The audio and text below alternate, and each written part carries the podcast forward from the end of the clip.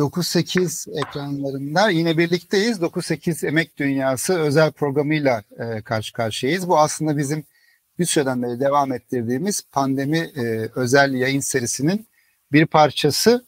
E, bu programda iki hatta üç çok değerli konuğum var. E, DİSK Genel Başkanı Sayın Arzu Çerkezoğlu, KESK Eş Genel Başkanı Mehmet Bozgeyik ve bağlanabildiği e, koşullarda e, doçent doktor Aziz Çelik e, emek alanında araştırmalarıyla ve akademik birikimle öne çıkan önemli bir isim. Bu üç e, isimle e, pandemiyi tartışacağız. Pandeminin emek üzerine etkisini, emek hareketini, işçi hareketini, genel olarak emekçilerin yaşam koşulları üzerindeki etkilerini hem güncel boyutlarıyla ama hem de tarihsel boyutlarıyla birlikte konuşacağız ve tartışacağız. Pandeminin birinci yılı bu noktada bize aslında yol gösterecek meseleye daha derinlemesine bir yaklaşım geliştirmek üzere. E, yayınımıza hoş geldiniz. E, öncelikle Arzu Hanım. Merhabalar, hoş bulduk. İyi yayınlar Gökhan Bey. E, Mehmet Bey de Ankara'dan bağlanıyor. Keski Eş Genel Başkanı Mehmet Bozgeyik. Siz de yayınımıza hoş geldiniz Mehmet Bey. E, merhabalar Gökhan Bey, çok teşekkürler. İyi Şimdi yayınlar. bugün aslında birinci yıl dönümü pandeminin. Yani bir sene önce bugün e, Türkiye'de ilk koronavirüs pozitif vakası Sağlık Bakanı tarafından canlı yayında ilan edilmişti, duyurulmuştu ki bu e, dünyanın Çin'den başlayarak zaten e, bir süreden beri cebelleştiği e, pandeminin artık Türkiye'de vurması anlamına geliyordu ve o andan itibaren bütün sosyal ilişkiler, ekonomik, siyasal ilişkiler, yaşam her yönüyle pandemi odaklı olarak yeniden kurgulanmak zorunda kaldı ve bundan da doğal olarak en fazla etkilenenler çalışan insanlar oldular, emekçiler oldu. Pek çok e, ders ortaya koydu. Öncelikle güncel boyutuyla e, bak, bakmak istiyorum. Yani bu, bu yıl bu şu bir yıl baktığımızda pandemi emekçiler açısından ne anlama geldi, ne tür sonuçlar e, doğurdu bu süreç? E, Arzu Hanım sizden başlayalım. Teşekkür ediyorum. Evet bugün 11 Mart 2021. Yani e, dile kolay pandemide Türkiye'de ilk vakayı gördüğümüz 11 Mart 2020'den bu yana bir yıllık bir süreci geride bıraktı. E, bugün birinci yıl e, nedeniyle de birçok e, basın açıklamaları, etkinlikler yaptık, yapıyoruz. Türkiye'nin dört bir tarafında. İstanbul'da da e, Cemil Taşçıoğlu hocamızın adının verildiği Ok Meydanı'ndaki e, yine COVID-19'da yitirdiğimiz hocalarımızdan onun isminin verildiği hastanenin önünde oldukça geniş katılımlı bütün sağlık emek meslek örgütleri olarak e, düzenlediğimiz ama birçok toplumsal kesimin katıldığı bir basın açıklaması da gerçekleştirdik. Evet dile kolay 11 yıl, e, bir yıl oldu. Bir yıl aslında çok hakikaten zor geçen bir bir yıldı e, her açıdan. Covid-19 pandemisi bir taraftan e, ciddi bir sağlık krizi, diğer taraftan ilk günden itibaren öngördüğümüz gibi çok ciddi ekonomik ve toplumsal sonuçlarıyla birlikte devam ediyor. Bugün aslında pandemi hala kontrol altına alınabilmiş değil. Vaka sayıları giderek daha fazla artıyor. Etkin bir etkin ve yaygın bir aşılama programı hayata geçirilemediği için de pandeminin kontrol altına alınması açısından e, ciddi zorluklar yaşanıyor. Aslında tabii bir yıllık sürece baktığımızda e, Birçok insan e, bu hastalıkla burun buruna geldi, e, hastalıkla mücadele etti. Resmi rakamlarla yaklaşık 30 bin kişi Türkiye'de hayatını kaybetti. E, Birçok sağlık çalışanını, hocamızı, hekimi, hemşireyi, sağlık işçisini bu süreçte pandeminin en ön saflarında mücadele veren sağlık çalışanlarını kaybettik. Hepsini saygıyla anıyoruz bütün yurttaşlarımızı ve bütün sağlık çalışanlarını bu süreçte hayatını kaybeden. E, ve aslında bir yıllık sürece baktığımızda ülkeyi yöneten siyasi iktidarın e, pandemiyi yönetmek açısından da pandeminin ekonomik ve toplumsal etkilerini e, kontrol altına almak açısından da ne yazık ki e, bu ülkenin bütün birikimlerini, sağlık, emek ve meslek örgütlerini, bilimsel akademik birikimini ya da çalışma hayatı açısından sendikalar başta olmak üzere e, bu alandaki e, bütün kurumları yok sayarak pandemiyi yönettiği bir süreci e, gördük. İşte bir yıl boyunca vaka sayıları, hasta sayıları bile e, gerçek rakamlar açıklanmadı. Bir başarı hikayesi oluşturmak adına aslında yapıldı bütün bunlar. E, ve dolayısıyla e, salgını yönetmek yerine e, bilimin ve aklın öncülüğünde salgın yönetimi yerine bir algı yönetimini tercih ettiler. E, aynı zamanda bütün bu süreçte e, devletin üç tane temel görevi olduğunu söyledik. Birincisi bütün yurttaşların sağlığını korumak, bütün çalışanların güven güvence altına almak ve bütün yurttaşların gelirini güvence altına almak bu kadar büyük bir pandemide. Ancak iktidarın politikaları, işçileri, işsizleri, bu süreçte işini kaybedenleri, emekçileri, emeklileri, halkı koruyacak politikalar değil, bütünüyle sermayeye odaklanan, sermayeyi korumaya dönük politikalar olarak şekillendi.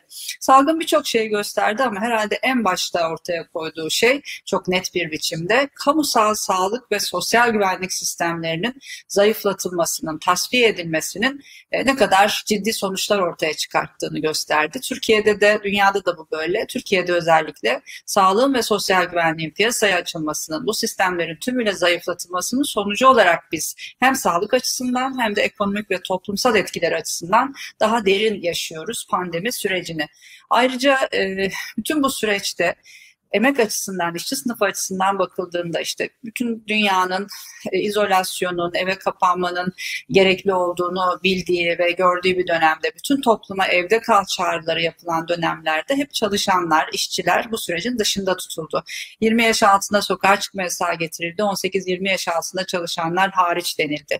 E, bütün hafta sonları, resmi tatillerde yapılan bütün kısıtlamalardan, yasaklardan hep işçiler hariç denildi ve böylelikle işçi sınıfı e, bu süreçte çalışmak ve bu anlamda da evine ekmek götürmek için hastalıkla, hasta olmakla ve belki hayatını kaybetmekle ekmeği arasında bir tercihe zorlandı ve işçi sınıfı hastalığı haline geldi. Covid-19 Türkiye'de bütün verilerde bunu gösterdi. Disk olarak bizim e, paylaştığımız bütün çalışmalar, raporlarda öyle. Ve sonuç olarak aslında bugün emek alanı açısından e, iktidarın politikaları işçiyi, emekçiyi, halkı koruyan politikalar olmadığı içindir ki e, Türkiye tarihinin en büyük iş ve istihdam kaybı yaşıyoruz. Çok ciddi bir gelir kaybı yaşıyoruz. E, çalışanlar açısından, işçiler açısından çok ciddi bir biçimde hem iş kaybı hem gelir kaybı söz konusu. Özellikle kayıt dışı, gündelik, yövmiyeli çalışanlar açısından yani bugün çalışmazsa yarın evine ekmek götüremeyecek olan milyonlar var Türkiye'de e, özellikle kayıt dışı çalışanların hiçbir sosyal güvenlik mekanizmasıyla da e, korunmadığını da düşünürsek aynı zamanda e, çok ciddi bir yıkımı yaşıyoruz. Kadınlar tabii pandemiyi daha derin yaşadı. Hem kadınların ev içindeki iş yükü arttı pandemide hem kadına yönelik şiddet arttı hem de kadınlar daha fazla istihdamdan çekilmek zorunda kaldı, iş gününden çekilmek zorunda kaldı, daha fazla işsiz kaldı. Özellikle genç işsizliği ve kadın işsizliği ürkütücü boyutlara ulaştı. Kadın istihdam istihdamı %26'ya kadar geriledi istihdama katılımı.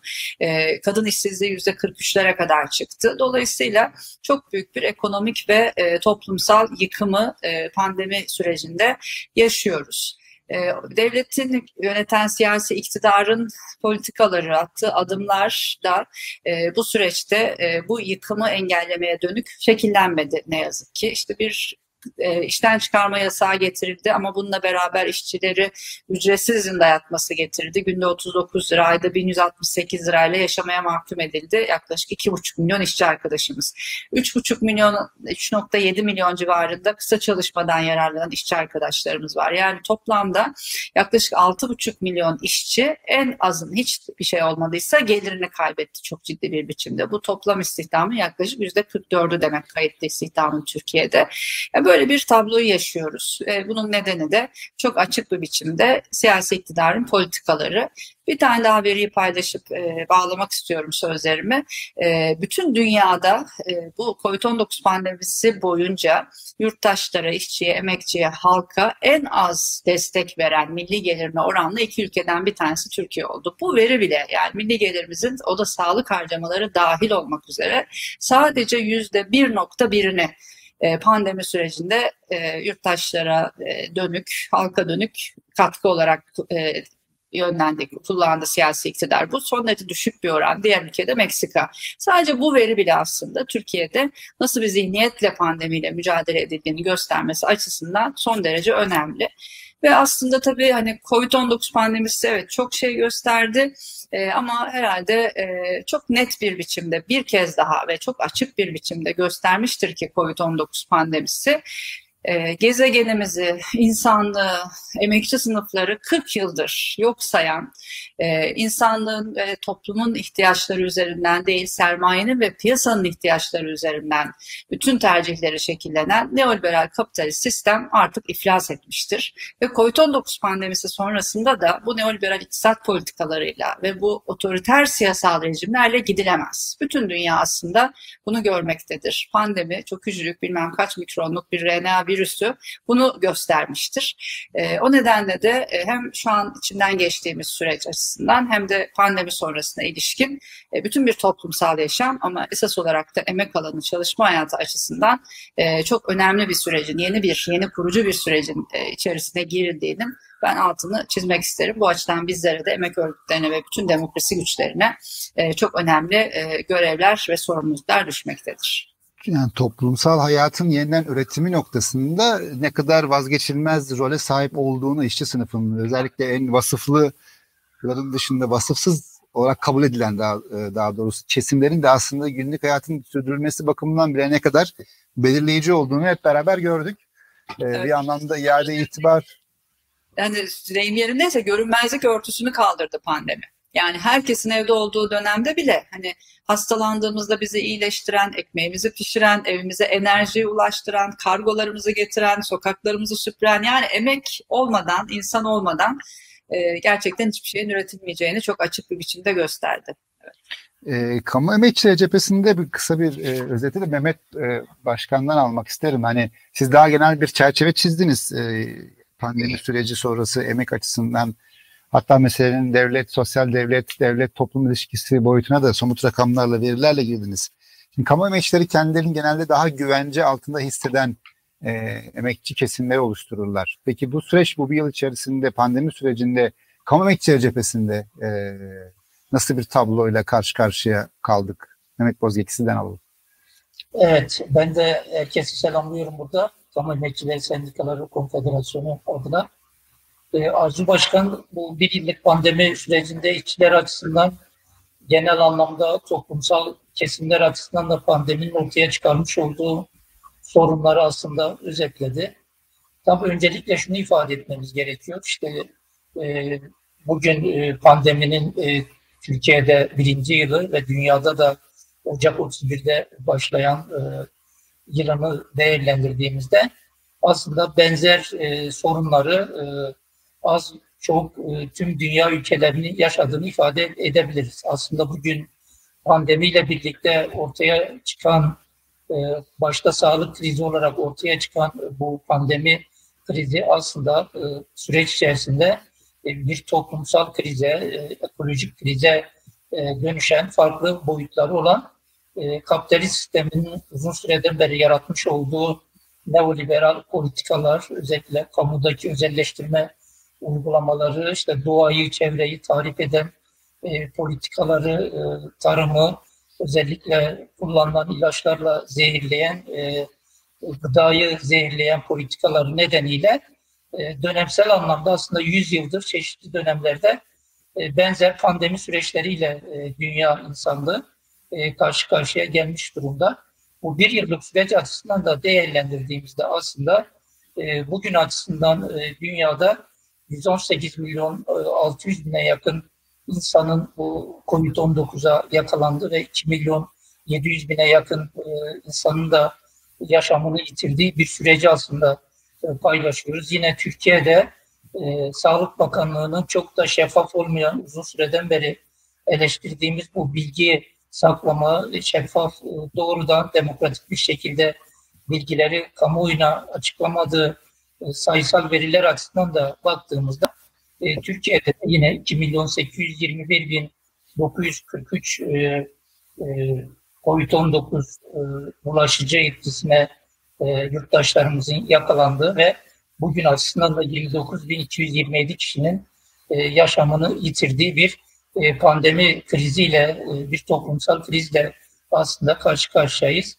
E, ben de bugüne kadar hem dünyada hem ülkemizde yaşamını yitiren tüm yurttaşlarımızın, e, kamu emekçilerin, işçilerin ailelerine başsağlığı e, diliyorum. Yine bu pandemide e, yakalanıp da hafif atlatan ve hala ayakta kalan e, tüm yurttaşlarımıza da e, geçmiş olsun diyorum. Türkiye'de de e, en son edindiğimiz e, rakamlar açısından da baktığımızda 400'e yakın sağlık emekçisinin e, bu pandemi sürecinde Türkiye'de e, yaşamını yitirdiği, yine kamu emekçileri açısından da farklı iç konularında yerel yönetimler çok yoğun çalışan işte kargo taşıma, e, PTT emekçileri açısından, yine öğretmenler açısından e, değerlendirdiğimizde e, binlere varan bir kamu emekçisinin de bu pandemi sürecinde e, yaşamını yitirdiğini ifade edebilirim. Aslında bir yılı yerinde bıraktığımız bu e, pandemi süreci hem dünyada ve ülkemizde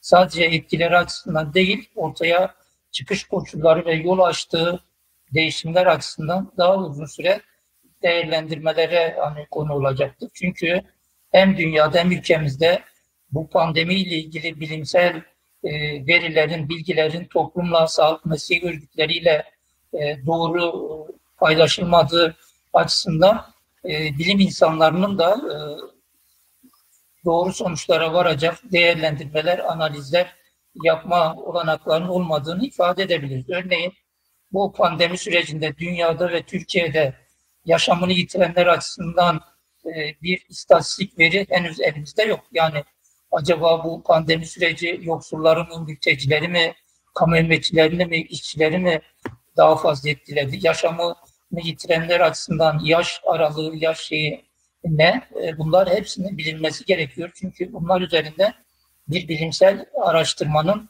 hem kamu sağlığı açısından hem de önümüzdeki yıllarda ortaya çıkacak yeni pandemi süreçleri açısından bir verinin elimizde olması açısından önemlidir diye ifade etmemiz gerekiyor. Öncelikle şunu belirtmek gerekiyor.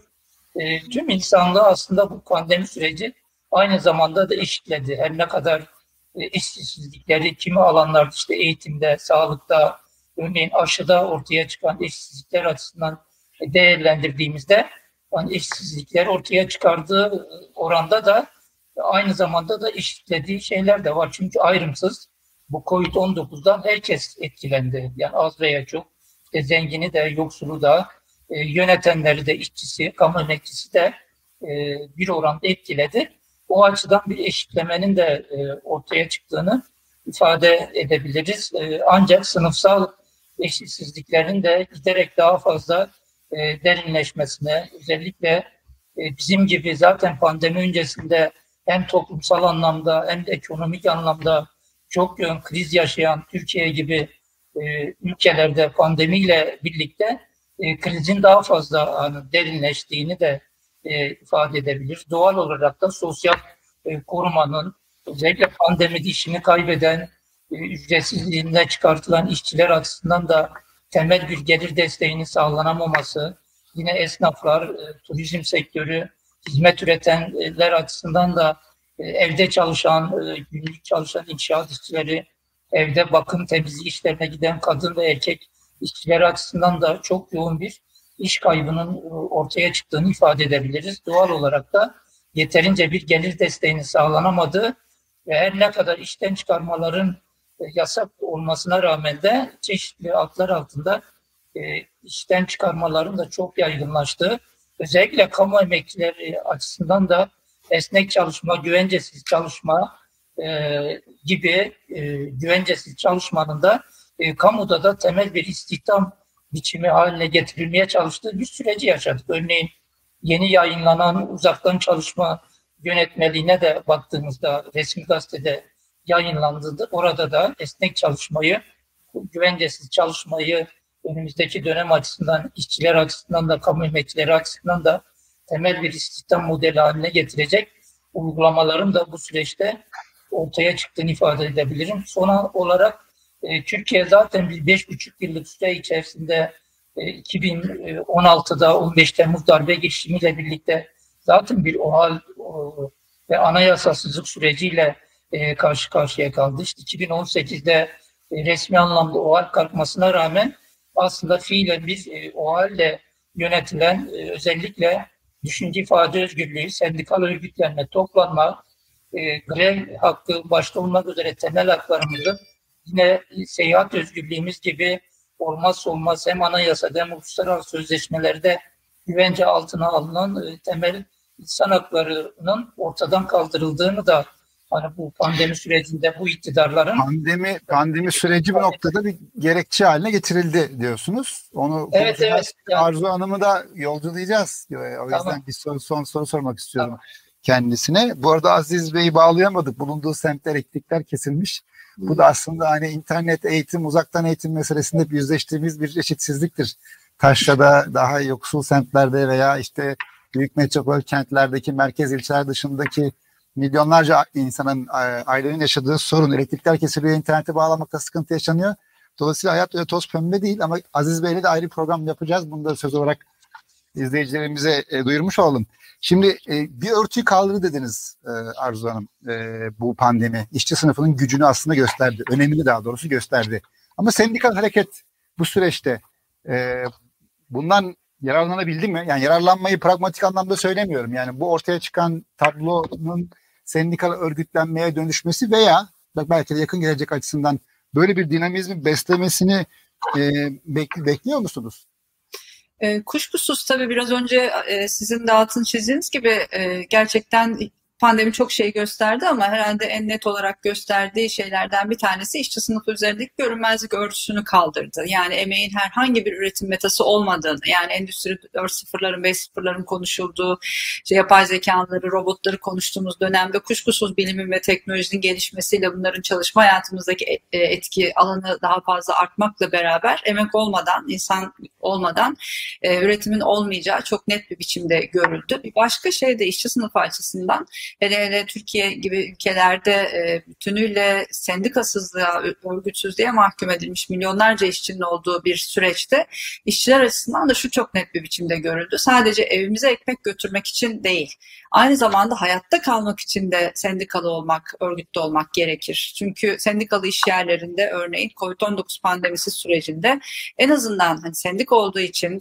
örgütlü olunduğu için o iş yerlerinde işte takım e, önlemler, e, işte sağlık güvenliği anlamında alınabildi, daha denetimler yapılabildi, e, çalışmaktan kaçınma hakkımızı kullanabildik, e, bu konuda gerekli e, mücadeleleri verebildik. Ama sendikasızlığa mahkum edilmiş olan iş yerlerinde gerçekten çok ağır bir tablo yaşandı. O nedenle iş sınıf açısından sendikalı olmanın, örgütlü olmanın ne kadar yaşamsal olduğu bir kez daha görüldü ve bu süreçte aslında sendikal hareket açısından da evet e, şunu çok net bütün e, yani her gün Türkiye'nin bir kentindeyiz. Birçok iş yerinde farklı iş kollarında iş, işçi arkadaşlarımızla buluşuyoruz. Şunu çok net bir biçimde hepimiz görüyoruz ki e, işçi sınıfı her ne kadar bu kadar baskı olsa da yani ülkedeki siyasal iklimin kendisi sendikalaşmayı, hak aramayı, örgütlenmeyi baskılasa da bu kadar yüksek bir işsizliğin olduğu ülkede sendika üye olmak neredeyse işten çıkartılmak anlamına gelse de Türkiye'de işçi sınıfı sendikalaşmak ve örgütlenmek ve mücadele etmek, hak mücadelesi vermek açısından e, özellikle de pandemiyle birlikte birlikte e, daha fazla alanlarda, meydanlarda ve örgütlenme konusundaki e, kararlılık, irade de daha e, belirgin bir biçimde artmış durumda. Bunun Hissediyor musunuz bunu işçilerle yüzde geldiğinizde örgütlenmeye Tabii. daha yatkın olduklarını? Onu. Yani gerçekten e, bu çok net gözlemlerimiz bütün arkadaşlarım açısından da hani bunu biz içerisinde de çok çok konuşuyoruz, değerlendiriyoruz. O nedenle de biz 2021 yılını aynı zamanda e, bir örgütlenme yılı disk açısından bir örgütlenme seferberliği e, süreci olarak tarif ettik ve hani pandeminin zorluklarına rağmen önümüzdeki günlerde daha yaygın bir biçimde e, bu seferberliğe dair örgütlenme ilişkin çalışmalarımızı hayata geçireceğiz. Bunun içerisinde tabii kadın işçilerin örgütlenmesi konusu da özel bir eksen, özel bir dinamik. E, o yüzden mesela bu yıl 8 Mart afişimizin e, temel teması kadınlar sendikalara e, başlığı altındaydı. Yani bütün işçileri, e, bütün işçi arkadaşlarımızı hangi iş kolunda olursa olsun e, sendikalı olmaya, diskli olmaya ve örgütlü mücadeleye çağıran e, bir süreci disk olarak büyütmeye çalışıyoruz. Ama tabii diskin temel ilkesi sendika üyesi olsun olmasın, diskli olsun olmasın bütün işçi sınıfının hak ve çıkarlarını korumak için mücadele etmektir. O nedenle de pandemi sürecinde de bu konuda disk olarak başta KESP olmak üzere diğer emek örgütleriyle, meslek örgütleriyle ve bütün demokrasi güçleriyle birlikte pandemi sürecinde de bir omuz omuza mücadeleyi e, büyütmeye çalıştık. Bu açıdan da bugün e, COVID-19 salgının birinci yılında riskin değerlendirmeleri ve yol haritası adı altında da bir raporu kamuoyuyla paylaştık. Özellikle iktidarı, Çalışma Bakanlığı başta olmak üzere siyasi iktidarı e, bu konuda bundan sonraki süreçte atılması gereken adımlar konusunda da uyaran, önerilerimizi bütün kamuoyuyla ve işçi sınıfıyla paylaşan ve bunun mücadelesini tabii iş yerlerinden başlayarak örgütleyen e, bir süreci önümüze koyduk diyebilirim. Çünkü gerçekten Son soru gerçekten 1 Mayıs bu sene alanlarda kutlanabilecek mi? Mart'ın ortasındayız. Bir Evet. e, tablo da şekilleniyor galiba.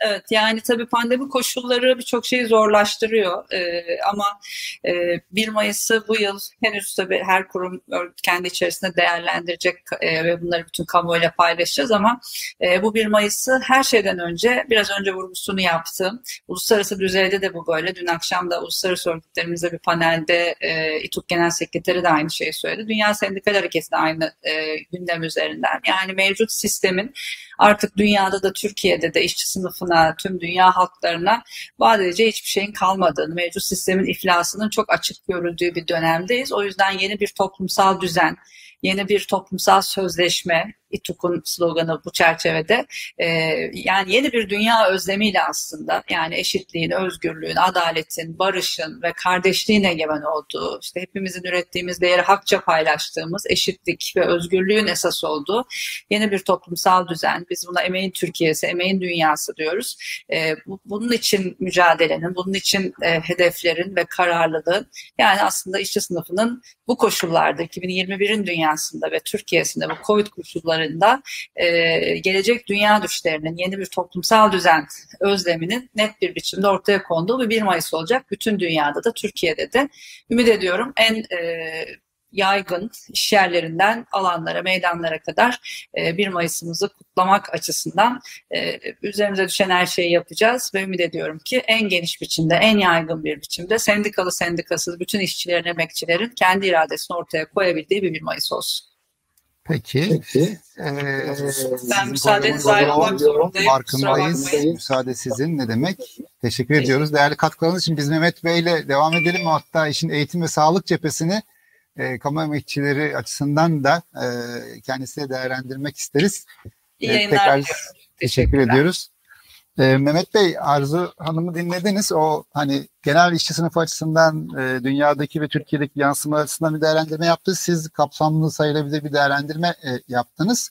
Güncel olarak 1 Mayıs sorusu sizin için de geçerli. İsterseniz ondan bir başlayalım. Yani 1 Mayıs geçen sene e, alanlarda kutlanamadı. İş yerlerinde e, yaygınca kutlandı. Özellikle üretimin devam ettiği alanlarda e, irili ufaklı iş yerlerinde kutlamalar yapıldı. Ancak e, meydan kutlamaları yapılamadı. Henüz e, pandeminin zirvede olduğu bir dönem olmasından kaynaklı olarak. Şimdi 1 Mayıs'a 5-6 hafta var. E, neredeyse 7 haftalık bir süre var. Aşı çalışması devam ediyor. E, iddia yani hedef olarak ortaya konana baktığımız zaman 1 Mayıs'a kadar epey insanın aşı, aşılanması bekleniyor. E, eğer hedefe e, ulaşabilecekse. Bu sene 1 Mayıs açısından keskin politikası, tavrı, beklentisi ne yönde? Yani bir şekilde alanlarda kutlama konusunda bir hazırlığınız söz konusu mu? Evet, yani siz de ifade ettiniz. Özellikle e, geçen yıl 1 Mayıs açısından e, pandeminin e, Türkiye açısından ilk dönemleriydi. E, çok e, e, iş yerlerinin özellikle e, kapatılması hem kamuda hem özel sektörde de e, sınırlı çalışma, fiziksel mesafe e, koşullarının yaygınlaşması nedeniyle biz de o dönem emek demokrasi güçleriyle İstanbul'da ve diğer illerde yapmış olduğumuz toplantılarda hem toplumun sağlığı hem kamu emekçileri, işçilerin sağlığı açısından da e, geçtiğimiz yıl fiziksel mesafeye dikkat ederek kimi metropol illerde e, az sayıda e, emekçiyle, demokrasi güçleriyle birlikte e, 1 Mayıs'ta taleplerimizi daha çok sosyal medya üzerinden farklı etkinliklerle, e, konserler, e, paneller, söyleşilerle özellikle kamu emekçilerinin yaşamış olduğu sorunları da gündemleştirerek e, kutlamaya çalıştık. Ancak bu yıl açısından tabii ki Türkiye'de istediğimiz düzeyde bir aşılamanın olmadığını öncelikle ifade etmemiz gerekiyor. Yani örneğin bugün Türk Tabipler Birliği'nin açıklamış olduğu bir yıllık rapor açısından değerlendirdiğimizde farklı illerde çeşitli e, mutasyonların e, çok hızlı geliştiğini arkadaşlarımız e, ifade etti. Yani üç tane farklı mutasyonla e, Türkiye'de karşı karşıyayız.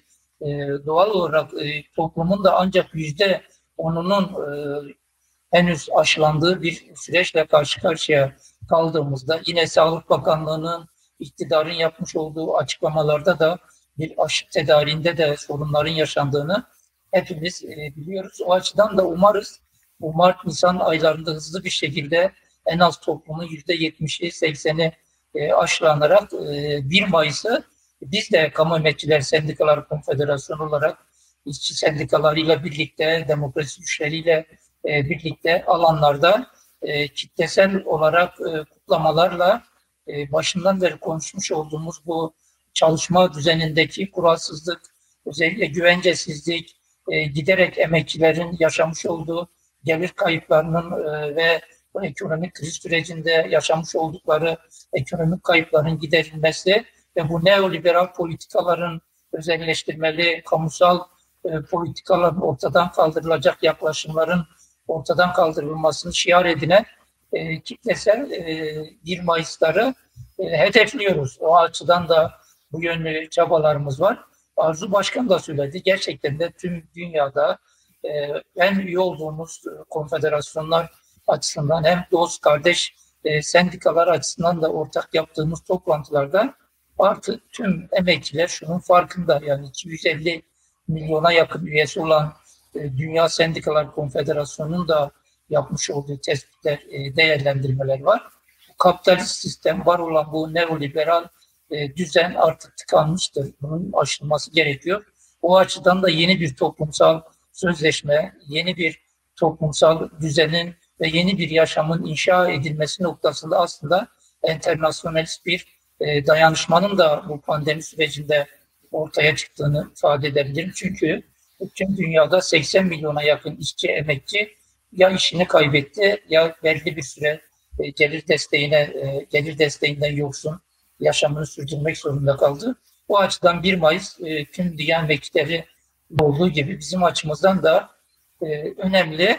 E, özellikle 8 Nisan'da da e, tüm dünyada e, örgütlü bulunan kamu emekçilerinin bu sizin de söylemiş olduğunuz, bizim de uzun süreden beri bu aşıdaki merkez kapitalist ülkelerindeki tekelleşmenin ortadan kaldırılması, ücretsiz aşıya herkesin eşit bir şekilde erişiminin sağlanması noktasında da 7 e, Nisan'da e, tüm dünyadaki milyonlarca emekçi özellikle bu aşının yoksul ülkelere, mültecilere, göçmenlere e, var olan eşsizliklerin aşıya eşsizliklerin erişimindeki eşsizliklerin ortadan kaldırılması için bir eylemsizlik eylem süreci ortaya koyacağız.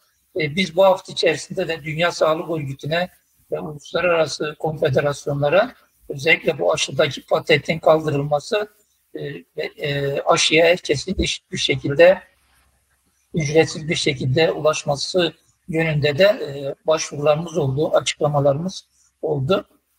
Tabii kamu emekçileri açısından şunu ifade edebilirim. Özellikle sağlık emekçileri açısından çok yoğun bir yıpranma, gerçekten de psikolojik açısından da arkadaşlarımızın çok yoruldu. İşte 400'e yakın sağlık emekçisinin yaşamını yitirdi. İzinlerin, emekliliklerin e, yasaklandığı e, bir geride bıraktık. Bir yıllık süreci 24 saat e, çalışan aşırı e, yoğun çalışma ortamı, stres, yine iktidarların özellikle Sağlık Bakanlığı'nın hastanelerde işçi sağlığı güvenliğine uygun tedbirler almaması nedeniyle bulaşıcıyla yüz yüze e, çalışmak zorunda kalan e, bir e, durum yaşandı sağlık emekçileri açısından. Yine pandeminin en fazla etkilendiği alanlardan birisi de eğitim alanı oldu. Zaten Türkiye'de eğitimde öteden beri bir fırsat eşitsizliği vardı, derinleşen fırsat eşitsizliği vardı. Bu pandemi süreci bunu biraz daha e, derinleştirdi. Özellikle uzaktan yapılan e, eğitim e, sistemiyle e, interneti olmayan, e, bilgisayarı, tableti olmayan yoksul öğrenciler açısından da tamamen bu bir yıllık süreç eğitimdeki bu fırsat eşitsizliğini de e, derinleştiren ve neredeyse 6-7 milyon öğrencinin bu uzaktan eğitimden yoksun kaldığı ve öğretmenler açısından da yine e, güvencesiz, e, esnek çalışmanın temel istihdam biçimi haline getirildiği bir süreçle karşı karşıya kaldık. İşte yüz yüze eğitime e, geçildiği bir Mart'tan itibaren bu aşılama yapılmadığı için eğitim emekçilerine aşılama sürecinin de e, sadece köy öğretmenleriyle başlatılıp merkezde çalışan öğretmenler üzerinden henüz bir randevu vermeme, randevu açılmama. Henüz henüz hiç randevu verilmedi mi? Yani oradaki sayıyı da merak ediyorum. Sonuçta sağlık emekçileri açısından evet. bir süreç tamamlandı. İkinci dozu evet. oldular. E, hatta şu anda büyük ölçüde e, ikinci dozun üzerinden 15 gün falan geçti e, sağlık evet. emekçileri açısından. Orada bir nispeten bir e, koruma kalkanından artık bahsedilebilir. Ama e, ikinci büyük grup belki de özellikle yüz yüze eğitimle birlikte bundan etkilenecek olan öğretmenler. Ama öğretmenler açısından bir şu anda aktif görevde olan öğretmen sayısı kaç Türkiye çapında? Yani kaç kişinin aşılanması gerekiyor? Ve bunların ne kadar aşılandı? E, bununla ilgili Sağlık Bakanlığı'yla bir görüşmeniz oldu mu? Bir takvim var mı somut? Yani biliyorsunuz e, Sağlık Bakanlığı'nın e, ilk açıklamış olduğu aşı takviminde öğretmenler ikinci grubun yedinci sırasındaydı. Bu yüz yüze eğitim açıklamasıyla birlikte e, sendikamız Eğitim Sen'in e, Sağlık Bakanlığı'na öğretmenlerin hızlı bir şekilde aşılanması, yine Milli Eğitim Bakanı Sayın Ziya Selçuk'la yapmış oldukları e, görüşmeler üzerinden işte 1 Mart'ta köy öğretmenlerinin e, Sayın Milli Eğitim Bakanı Çorum'da kendisinin de e, aşı yaptırarak e, köy öğretmenlerinin aşılanması ile ilgili bir kampanya başlattı. Ancak e, başta da ifade ettim. Özellikle e, Türkiye'de başından beri hem e, COVID-19 ile ilgili ortaya çıkan veriler, vaka sayısı, hasta sayısı, yaşamını yitirenler açısından yine birçok alanda istatistiklerin gizlenmesi, e, bilim insanlarıyla paylaşılmaması sorunlu olduğunu söyledik. Bu e, öğretmenlerin aşılama sürecinde de benzer sorunları yaşadığımızı ifade edebilirim. Yani şu anda Milli Eğitim Bakanlığı e, defalarca sendikamız eğitim senin soru olarak yönettiği ve görüşmede söylemiş olduğu bugüne kadar işte 1 milyonun üzerinde öğretmen eğitim emekçisinden söz ediyoruz. Bunların ne kadar aşılandı? Bu anı şu ana kadar elimizde buna ilişkin somut veri yok. Ancak sendikamız eğitim senin 81 ildeki örgütlü olduğumuz şubeler aracılığıyla yapmış olduğu e, tespitleri ben söyleyebilirim ki öğretmenlerinde kısmen bir aşılama var. Henüz tamamlanmış değil. Ancak şehirde çalışan, merkezde çalışan öğretmenler açısından özellikle merkezi randevu sistemi diye e, yürürlüğe giren e, programdan randevu alınmadığını ifade edebilir. Örneğin bugün Gazi Üniversitesi Enfeksiyon Bölüm Başkanı e, Profesör Esin Davutoğlu da açıklama yaptı. Yani aşı olmasına rağmen diyor merkezi randevu sistemi açılmadığı için hastaneye işte aşılamaya gelen kişi sayısında çok düşme oldu diyor. Doğal olarak bir tedarik sorununun yaşandığını açıkça ifade edebilirim. O açıdan da hızla e, Nisan sonuna kadar aslında hem öğretmenlerimizin, eğitim emekçilerinin yüz yüze eğitimin devam edebilmesi için aşılanması hem de toplumun yüzde yetmişe e, varacak bir oranda e, aşılama e, yaparak e, en azından pandemi riskini ve bu yeni mutasyonlarla birlikte vakanın giderek yaygınlaştığını da görüyoruz. Özellikle gevşetme kararıyla birlikte yeniden Türkiye'nin birçok ili bakanlığı yayınlamış olduğu haritalarda da ayın 15'inde göreceğiz kırmızıya dönüşme riskiyle karşı karşıya olduğumuzu ifade edebiliyor. Peki. Yani somut bir takvim veremiyor anladığım kadarıyla bakanlık. Yani şu tarihte bitireceğiz e, öğretmenleri aşılanmasını. Evet, onun e, temel nedeni de şunu biliyorsunuz. E, Çin dışında henüz e, Çin aşısı dışında Türkiye'nin tedarik ettiği bir aşı yok. Bizim bildiğimiz yok. Yani işte birçok şey söyleniyor. Almanya ile bir e, sözleşme e, yapıldığını, yine İngiltere ile görüşmelerin devam ettiğini ancak bugüne kadar Çin aşısı dışında e, Türkiye'ye tedarik edilen bir aşı yok. Bırakın başka ülkelerden aşı tedariğini yeterince Çin aşısının da tedarik edilmediği ortada. Doğal olarak bunun temel nedeni Türkiye'nin yaşamış olduğu ekonomik krizden kaynaklı olduğunu ifade edebiliriz. Yani bunun başka bir e, gerekçesi, başka bir e, açıklamasının olmadığını söyleyebilirim. Çünkü yanı başımızda örneğin İsrail neredeyse toplumun tamamını e, aşıladı. Yine İngiltere yüzde yirmi, toplumun yüzde yirmisini aşan bir aşılama var. Amerika'da, Avrupa Birliği ülkelerinde. Maalesef e, Türkiye'de e, bu oranın çok çok düşük olduğunu ifade edebilirim. Evet, e, isterseniz son olarak KESK cephesinden de hani önümüzdeki dönem açısından bir takım hazırlıklar içerisinde olduğunuzu söylediniz. 8 Nisan vurgusu evet. yaptınız, 1 Mayıs vurgusu yaptınız. E, Arzu Çerkezoğlu programımızdayken işçi sınıfı açısından sendikal örgütlenmeye ilgin arttığını e, ifade etti. Benzer bir gözlem e, KESK bünyesindeki sendikaların e, görevlileri, yöneticileri iş yerlerinde gö- e, bir şekilde gözlemleyebiliyor mu? Yani benzer bir tabloyla karşı karşıya mısınız siz de? Sendikal ya şöyle, e, artan, artan bilgi söz konusu mu? Evet. Yani e, İTÜ'nün açıklamış olduğu veriler var. Dünya Sendikalar Konfederasyonu akşamda Arzu Başkan ifade etti. Yani sonuçta pandemi sürecinde e, sendikalı olma bir koruma hazırlığı olduğu açığa çıktı. Yani örgütlü olmanın insanlar açısından işi aşı ekmeği açısından ne kadar önemli olduğu e, sendikalı olmanın bir avantajı ortaya çıktı.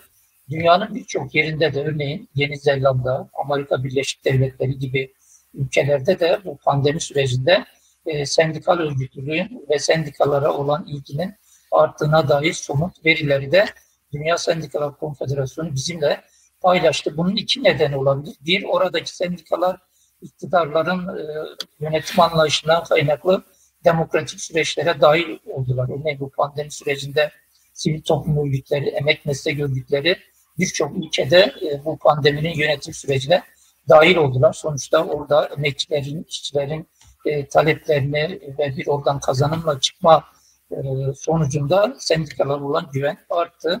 Ancak ülkemizde e, özellikle e, Türkiye'de var olan sendika hem işçiler açısından hem kamu emekçileri açısından nispeten kağıt üzerinde e, sendikalı oran işte yüzde 65 gibi gözüküyorsa da aslında bunun birçoğunun e, hükümete yakın e, bizim yandaş diye ifade ettiğimiz özellikle kamu emekçilerinin bu pandemi sürecinde de yaşamış oldukları tüm bu haksızlık, hukuksuzluk, adaletsizliklere, işsizliklere sesini çıkarmayan e, bir iktidar yanlısı sendikal eğilimlerin de özellikle kamuda e, sayısal anlamda fazla olduğunu ifade edebilirim. Ancak e, bu dönem açısından hem keskin hem sendikamız ses, eğitimsen, işte diğer habersen, yerel yönetim alanında örgütlü olan sendikalarımızın bu pandemi sürecinde yürütmüş oldukları faaliyetler, yapmış oldukları eylem etkinlikler, iş yeri çalışmaları açısından da değerlendirdiğimizde e, ben de şunu ifade edebilirim. KESK'e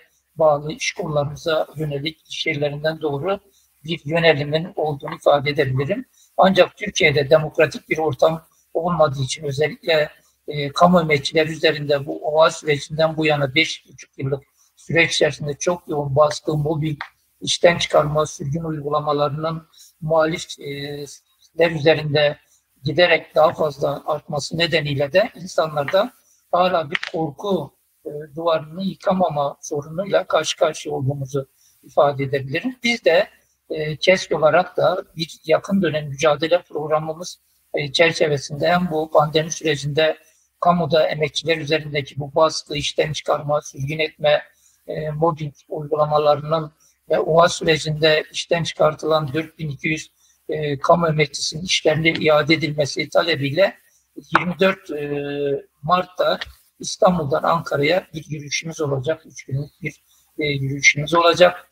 O yürüyüşümüzün temel e, amacı da e, bu baskıların, sürgünlerin, işten çıkarmaların e, son bulması, işten çıkartılan kamu emekçilerinin bir an önce işlerine iade edilmesi, işte barış akademisyenlerinin yeniden üniversiteye e, döndürülmesi gibi taleplerimizi de 26 Mart'ta yürüyüşümüz sonunda Ankara'da Çalışma Bakanlığı önünde yapacağımız bir e, basın açıklamasıyla e, kamuoyuyla paylaşacağız. Yine Avrupa Birliği, e, Avrupa Konseyi, Birleşmiş Milletler nezdinde de bu pandemi sürecinde yaşamış olduğumuz hak ihlallerini de e, yarın kamuoyuyla da paylaşacağımızı ifade etmek istiyorum. Yani sonuçta geldiğimiz noktada şöyle bir şey var aslında. Yani aslında hepimiz şöyle bir atasözünü biliyoruz.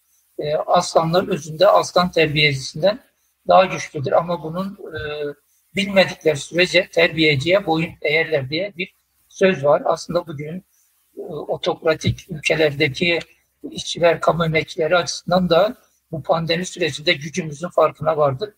E, bu nedenle de bu gücü iyi kullandığımızda, iyi örgütlediğimizde ve mücadelemizi bu perspektifle internasyonalist dayanışma içerisinde geliştirdiğimizde e, yönetenlerin bu hak ihlallerinden de bu baskıcı anlayışlarından da geri adım atacağına olan inancımızı ifade etmek istiyorum.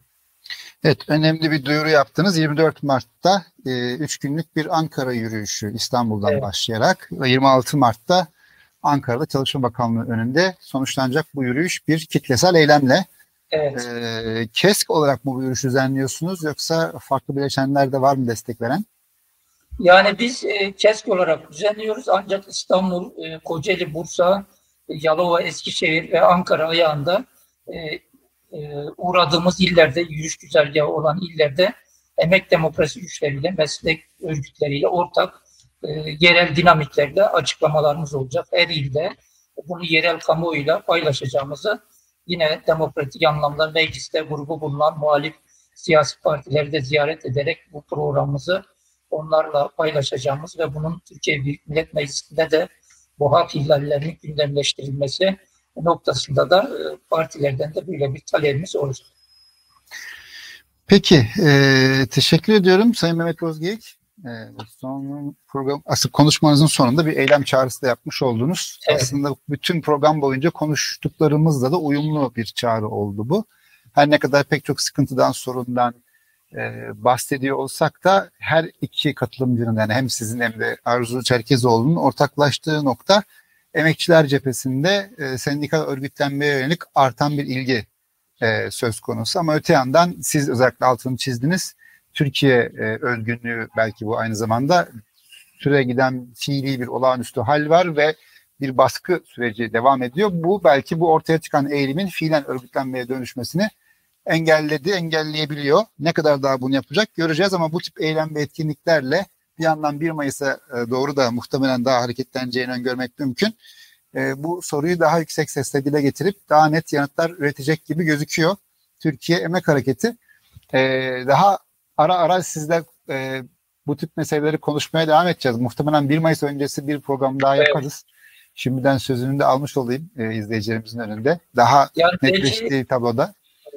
Ya son olarak şunu söyleyebilirim. Özellikle bu pandemi süreci şunu açığa çıkardı işte mavi yakalı, beyaz yakalı özellikle bu neoliberal e, e, politikalar içerisinde bu ayrımın ortadan kalktığını söyledi. Yani eskiden örneğin devlet memuru olmak bir avantajdı. Yani işte işçiler gibi çok böyle işten atılma riskinin çok az olduğu. Ancak geldiğimiz noktada hem dünyada hem Türkiye'de bu mavi beyaz yakalı ayrımın ortadan kalktığı, sonuçta kamuda da güvencesiz esnek çalışma, sözleşmeli çalışmanın temel istihdam biçimi haline getirildiği bir süreç var. O açıdan da ortak örgütlenme CESK açısından bizim önemli. Yani iş yerleri işçi memur ayrımı yapmadan herkesin ortak aynı çatı altında e, örgütlenmesini ve tartışmasını önümüzdeki dönem yürüterek buradan emekçilerin, işçilerin mücadelesini e, geliştirmeyi düşündüğümüzü ifade edebilirim. E, bize de bu olanağı sağladığınız için e, tekrar hem size hem 98 TV'ye teşekkür ediyorum. Ben. Biz teşekkür ediyoruz. Bu ortak örgütlenme meselesini daha sonra daha ayrıntılı evet. konuşmakta fayda var. 90'lı yıllarda epey ciddi bir tartışma konusu. Evet, evet. Doğru. Ee, işçi sınıfı, işte kamu emekçileri ve işçiler ayrı örgütlendi fiilen evet. ama hani ayrı örgütlenmese, ortak sendikalarda örgütlense daha iyi olurdu yönünde tartışmalar da olmuştu. Fiili durum tabii ayrı örgütlenme biçiminde oldu evet. ama anladığım kadarıyla yeniden bunu daha yüksek evet. sesle tartışmaya başlıyor. Kesit herhalde evet. bu noktada ortak örgütlenmeyi savunan bir pozisyon evet, alıyor evet, gibi gözüküyor. Evet, evet. Peki bu, bu da ayrı bir bence özel tartışması evet. önemli bir e, konu. Teşekkür ediyorum tekrar. Ben teşekkür evet. ederim. İyi yayınlar diliyorum. Çok sağ olun. Ee, 98 Haber'in 98 TV gündem pandemi serisinin e, Emek Dünyası özel e, programının sonuna e, geldik. E, bu programda e, Risk Genel Başkanı Arzu Çerkezoğlu ve KESK Eş Genel Başkanı Mehmet Bozgeyik bizimleydi.